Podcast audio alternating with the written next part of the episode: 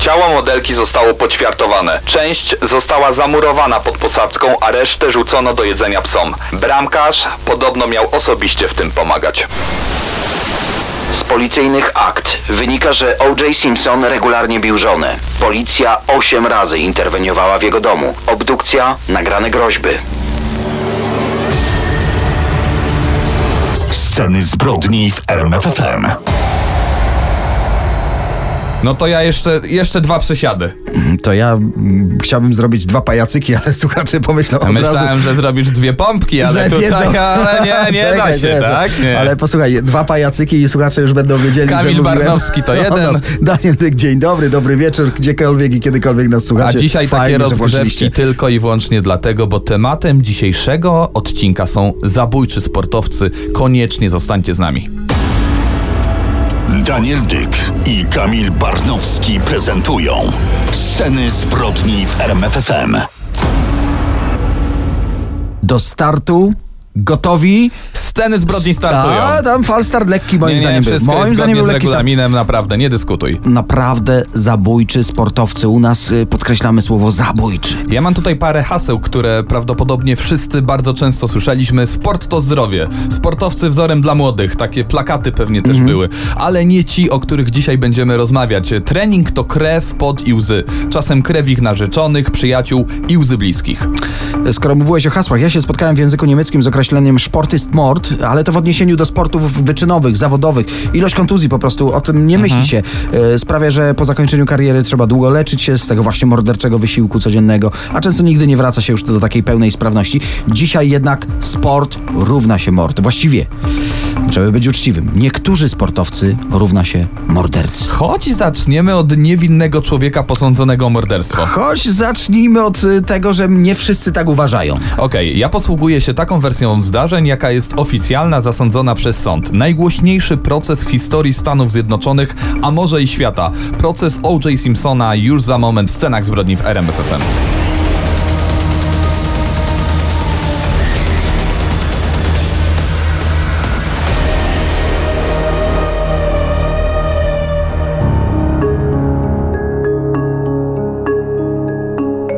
Sceny zbrodni w RMFFM i sprawa O.J. Simpsona. najsłynniejszy sportowiec, który naprawdę sławny stał się dopiero po zakończeniu kariery w amerykańskim futbolu. No właśnie, były gwiazdor Ligi NFL, ym, znany także z filmów. Wystąpił w słynnym Płonącym Wieżowcu, ale chyba najbardziej taką kultową wręcz y, rolę, najbardziej znaną, zagrał w trzech filmach z cyklu Naga Broń, gdzie wcielił się w nieudacznego detektywa Nordberga. Jako chłopak uwielbiałem tę postać, dlatego dla mnie to był, to był prawdziwy szok. Przenieśmy się do 12 czerwca 94 roku. Środek nocy. Głośno szczekający pies Nicole Simpson budzi jej sąsiadów. Postanawiają więc sprawdzić, czy stało się coś niepokojącego. Przy schodach prowadzących do jej domu znajdują jej zmasakrowane ciało z wieloma ranami po nożu. Obok oparte ogrodzenie, kolejne ciało Ronalda Goldmana, przy nim koperta z okularami, ale zagadkę tej koperty wyjaśnimy za moment. Teraz y, pierwsza myśl policjantów przybyłych na miejsce. W takich morderstwach głównym podejrzanym jest ktoś z, kręgu najbliższych, mąż najczęściej, a w tym przypadku były mąż. Dodajmy bardzo dobrze znany wszystkim Amerykanom były mąż. Orenthal James Simpson urodził się w 1947 roku w San Francisco.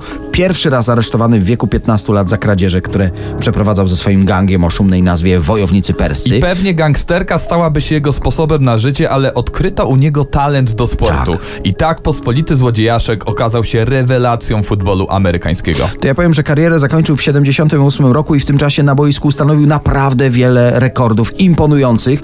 Później został komentatorem sportowym, a w końcu, jak już wspomnieliśmy, także aktorem. Ale wróćmy do sedna sprawy. Nicole Brown była jego drugą żoną. Według sąsiadów tworzyli niemal idealną parę. Jednak z policyjnych akt wynika, że O.J. Simpson regularnie bił żonę. Policja osiem razy interweniowała w jego domu, obdukcja, nagrane groźby, małżeństwo zakończyło się rozwodem. Ale nie zakończyły się problemy. Z relacji świadków wynika, że OJ nadal nachodził swoją byłą już żonę.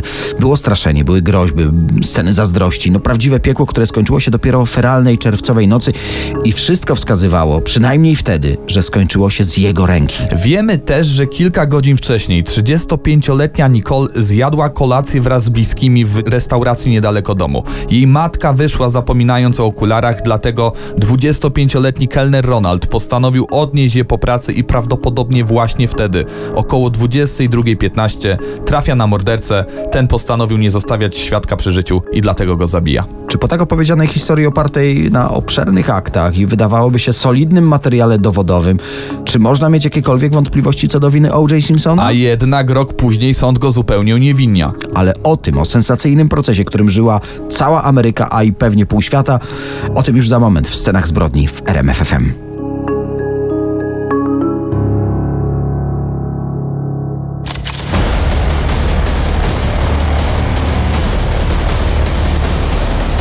Ciąg dalszy za chwilę.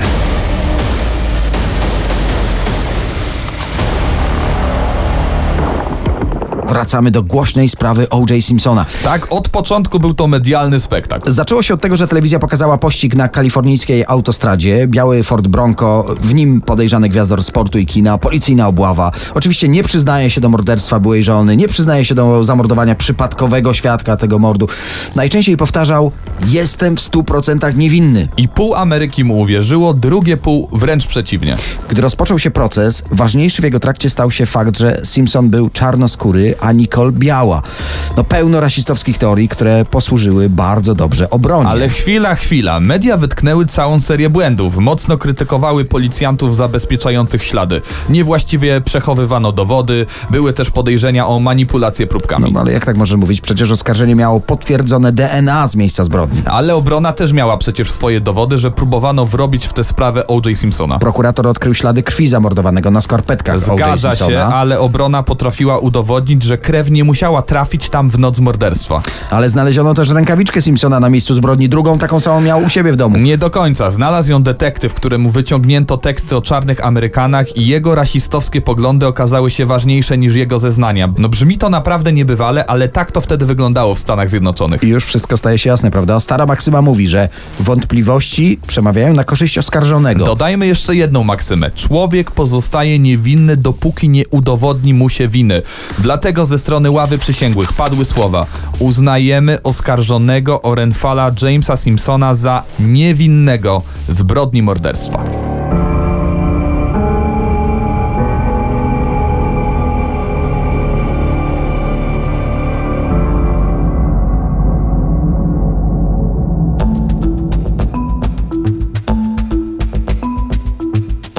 Historia Oskara Pistoriusa i to taka historia w skrócie od bohatera do zera. Jeden z najpopularniejszych sportowców XXI wieku. Pierwszy niepełnosprawny, który na Igrzyskach Olimpijskich ścigał się ze zdrowymi. Niebywała sprawa. Zarabiał miliony na kontraktach reklamowych. Pokazywał, że niemożliwe nie istnieje, a wszystkie ograniczenia fizyczne można przezwyciężyć ciężką pracą. Walentynkowa noc 2013 roku. Wtedy morduje swoją dziewczynę. Pistorius strzela do niej cztery razy przez zamknięte drzwi. Riva Steenkamp ginie na miejscu. Takie są fakty. Tyle wiemy na pewno. Reszta to tylko hipotezy na temat właśnie tej feralnej nocy. Ale jak tak naprawdę wyglądało to zabójstwo? Przedstawmy wersję Pistoriusa. Budzi się w środku nocy i słyszy, że ktoś krząta się po jego mieszkaniu, dlatego postanowił wstać i sprawdzić, co się dzieje. Jest przekonany, że to włamywacz, dlatego sięga po pistolet, który miał schowany koło łóżka, przeszukuje swoje mieszkanie, orientuje się, że dźwięki wydobywają się z łazienki. Zauważa też, że okno obok łazienki jest otwarte, to go jeszcze bardziej przekonuje, że no musi to być włamywacz. Kontynuując jego relację, w krzyczy podobno do dziewczyny, żeby zadzwoniła na policję. Ostrzega też domniemanego włamywacza, że jeśli nie wyjdzie, to będzie do niego strzelał. Nikt nie wychodzi z łazienki, dlatego oddaje cztery strzały w kierunku drzwi. Potem wrócił do swojej sypialni, tam zauważył, że w łóżku nie ma jego dziewczyny. Ponownie wrócił do łazienki, wyważył drzwi i zobaczył swoją ukochaną w kałuży krwi. No i pojawia się tutaj wątpliwość, skąd w jego sypialni pistolet. Czytałem książkę, w której najlepiej na to odpowiedział sam zainteresowany. Zacytuję. W przeszłości zdarzało się, że grożono mi śmiercią. Padałem również ofiarą zarówno przemocy, jak i włamań. Z tych powodów przechowuję pod łóżkiem broń palną pistolet kalibru 9 mm Parabellum. Okej, to jest wersja Pistoriusa, ale inna hipoteza wskazuje, że między parą nie układało się najlepiej. Riva Steenkamp brała udział w reality show Wyspa Skarbów. Tam miała poznać chłopaka, o którego Pistorius był bardzo zazdrosny. Z tego powodu między nimi podobno doszło do sprzeczki, a finałem kłótni były właśnie cztery strzały z broni sportowca. Dowodem na to ma być SMS od Rivy Steenkamp, w którym napisała do Pistoriusa, że czasami boi się tego, jak on na nią reaguje. Oddajmy teraz głos ekspertowi. Polski kryminolog profesor Brunon Hołyst wypowiedział się w tej sprawie w 2013 roku. Jego zdaniem nie była to obrona konieczna, wykluczył tę wersję. Jego zdaniem, żeby spłoszyć włamywacza wystarczy jeden lub dwa strzały, przy czym mogą to być strzały ostrzegawcze, niekoniecznie skierowane do osoby, która rzekomo miała dokonać włamania. Po bardzo burzliwych procesach 3 grudnia 2015 roku Najwyższy Sąd Apelacyjny RPA uznał Pistoriusa winnym morderstwa no i skazał go na skandalicznie niski wyrok, zaledwie 6 lat więzienia. Jednak dwa lata później ponownie rozpatrzono sprawę Oskara Pistoriusa i skazano go na 15 lat pozbawienia wolności.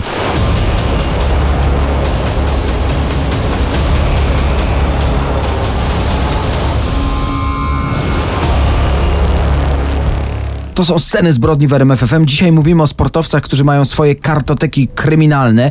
Ta historia będzie jednak zupełnie inna. Ale równie fascynująca, podkreślamy. Jest w niej coś takiego, że musieliśmy wam o niej po prostu dzisiaj opowiedzieć. Tonia Harding, piękna łyżwiarka ze Stanów Zjednoczonych, w 91 roku zdobyła srebrny medal na Mistrzostwach Świata. To pierwsza Amerykanka, która skoczyła potrójnego aksla. Jednak dzisiaj przecież nie będziemy rozmawiać o jej osiągnięciach sportowych. To Tak. to program Sceny Zbrodni, nie zapominajmy. Mówimy o jej pojedynku z rywalką z kadry Nancy Kerrigan, ale pojedynku niesportowym, nie tym na tafli. No to opowiedzmy naszym słuchaczom, o co tutaj w ogóle się rozchodzi. W styczniu 94 roku w Detroit odbywają się Mistrzostwa USA w łyżwiarstwie figurowym. Są to jednocześnie kwalifikacje olimpijskie. Dwie najlepsze zawodniczki w tych zawodach będą reprezentować USA na igrzyskach w Lillehammer.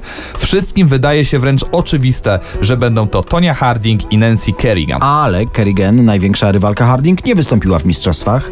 To przez to, co wydarzyło się 6 stycznia. Po zakończonym treningu idzie do szatni. W tym czasie dopada ją zamaskowany mężczyzna. Uderza ją teleskopową pałką w nogę i to w tę kluczową, na której lądowała po swoich słynnych akrobacjach. Noga co prawda nie była złamana, za to bardzo mocno stłuczona. Mimo wszystko uniemożliwiło jej to udział w zawodach. Skrupulatnie zaplanowana napaść. Jak później miało się okazać, zorganizowana przez byłego męża Harding. W całą akcję zaangażowane były cztery osoby. Wszyscy zostali skazani. Było wręcz oczywiste, że Harding też musiała być zamieszana w ten spisek przeciw rywalce. W koszu na śmieci jednej z restauracji znaleziono podobno nawet rozpisany plan całej tej akcji. Na kartce znajdowało się pismo łyżwiarki, no jednak kobieta podkreślała, że jest niewinna i ostatecznie została dopuszczona przez amerykański komitet olimpijski do udziału w zawodach. Wróćmy jednak jeszcze na chwilę do Mistrzostw USA w łyżwiarstwie. Tania Harding zdobyła tam złoty medal i pojechała na Igrzyska Olimpijskie, ale powracająca do zdrowia Kerrigan też znalazła się w kadrze USA i ona na tym najważniejszym turnieju zdobyła srebrny medal. Harding była dopiero ósma. Naprawdę porażka. Dziennikarze szybko podchwycili temat, wybuchł medialny skandal w całym kraju. Łyżwiarki były na okładkach największych amerykańskich gazet. E, Niech o zainteresowaniu tą rywalizacją świadczy fakt, że w hali, w której odbywały się konkursy olimpijskie, wokół dwóch łyżwiarek znalazło się ponad 400 dziennikarzy. Najważniejsze zawody czterolecia zostały zamienione no, po prostu w medialny cyrk. Ale ostatecznie Harding miała udział w tym spisku, czy był to pomysł jej otoczenia i tak naprawdę działo się to wszystko poza jej kontrolą? Po igrzyskach sąd powrócił do tej sprawy. Łyżwiarka została skazana za współudział trzyletnim nadzorem kuratora i grzywną 160 tysięcy dolarów. Swoje dochodzenie przeprowadził też amerykański Związek Łyżwiarstwa Figurowego. Uznano ją za winną. Jej zachowanie było zaprzeczeniem sportowej rywalizacji, etyki. Odebrano jej również tytuł mistrzyni kraju, który zdobyła w 1994 roku. Ukarano ją dożywotnim zakazem udziału w zawodach sportowych. W skrócie po prostu stała się personą non grata. Po karierze w łyżwiarstwie było jeszcze bardzo głośno o Toni Harding, bo uczestniczyła w wielu programach telewizyjnych, a w 2002 roku wróciła do sportu, jednak tutaj do zupełnie innej dyscypliny zadebiutowała jako bokserka. Karierę zakończyła przedwcześnie przez kłopoty z astmą, a jej statystyki na zawodowych ringach to trzy wygrane i trzy przegrane. Daniel Dyk i Kamil Barnowski prezentują Sceny zbrodni w RMFFM.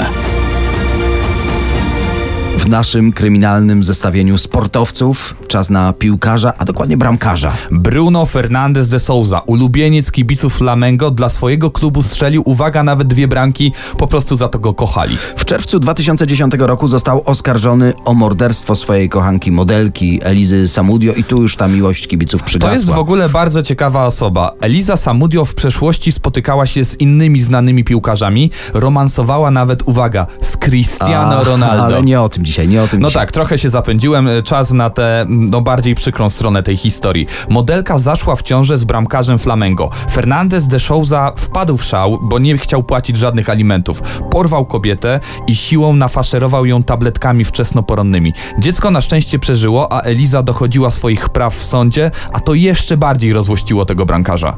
To, co wydarzyło się później, no naprawdę nie mieści się w głowie, chociaż wiele mrocznych historii już wam opowiadaliśmy. Bramkarz podstępem zwabił swoją kochankę do jednego ze swoich domów na przedmieściach Rio de Janeiro.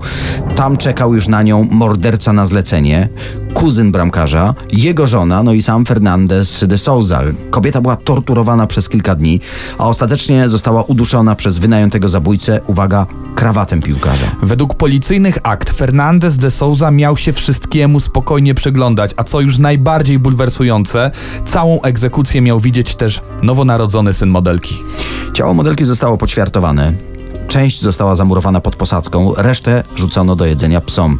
Bramkarz podobno miał osobiście w tym wszystkim pomagać. Cała czwórka bardzo szybko została oskarżona o udział w morderstwie, a następnie wszyscy trafili do więzienia. Finalnie Bruno Fernandez de Souza za zlecenie i udział w morderstwie kochanki został skazany na 22 lata więzienia, ale za krat wyszedł po odsiedzeniu tylko siedmiu na mocy ogłoszonej amnestii. Mimo niezbitych dowodów, gwiazda brazylijskiego futbolu utrzymuje, że nie ma nic wspólnego ze śmiercią Elizy Samudio. W pierwszym wywiadzie na wolności powiedział: Nawet gdybym został skazany na dożywocie, to nie przywróciłoby ofierze życia. Sceny zbrodni w RMFFM.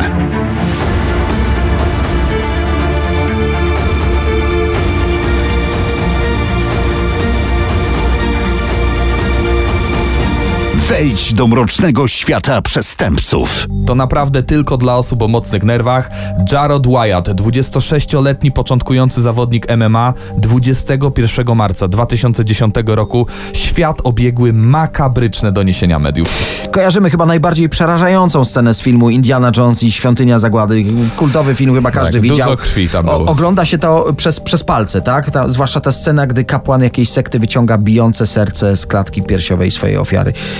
I ta zbrodnia mogła wyglądać podobnie. W niezwykle brutalny sposób ów zawodnik MMA zamordował swojego sparring partnera, dobrego kolegę, 21-letniego Taylora Powella. Ale powiedzmy w ogóle, jak do tego doszło. Obaj koledzy wypili herbatkę taką z grzybków halucynogennych. Na Jaroda zaczęła działać dosłownie w momencie. Wpadł w szał, jak później zeznał policji, w swoim koledze rozpoznał prawdziwego diabła. Czuł się wplątany w taką walkę dobra ze złem i tak się w to wczuł, że rzucił się na niego z nożem i wyciął nadal bijące serce. Z policyjnych akt wynika, że jego młodszy kolega jeszcze wtedy żył. Morderca był przekonany, że zaraz nastąpi koniec świata i jedyną szansą na ratunek było pokonanie szatana, więc następnie, pozostając w tym morderczym amoku, bił swoją ofiarę po twarzy, y, odciął język, wyciął gałki oczne, a następnie wszystko wrzucił do ognia. Miejscowy szeryf znalazł Wyatta nagiego i pokrytego krwią, gdy leżał na kanapie obok no, tego, co zostało z jego przyjaciela. Sąd uznał Jaroda Wyatta winnym popełnionej zbrodni. Będzie mógł się starać o przedterminowe zwolnienie najwcześniej w 2062 roku.